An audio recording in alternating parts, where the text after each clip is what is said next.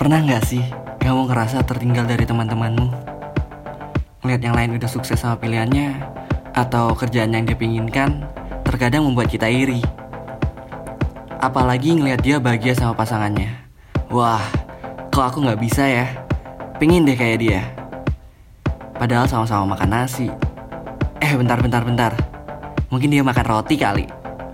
Tapi kan seharusnya nggak ngaruh. Harusnya semua itu hasil jerih payah kan? Tapi kenapa ya? Padahal kita sama-sama ngejar dengan susah payah. Tapi hasilnya berbeda.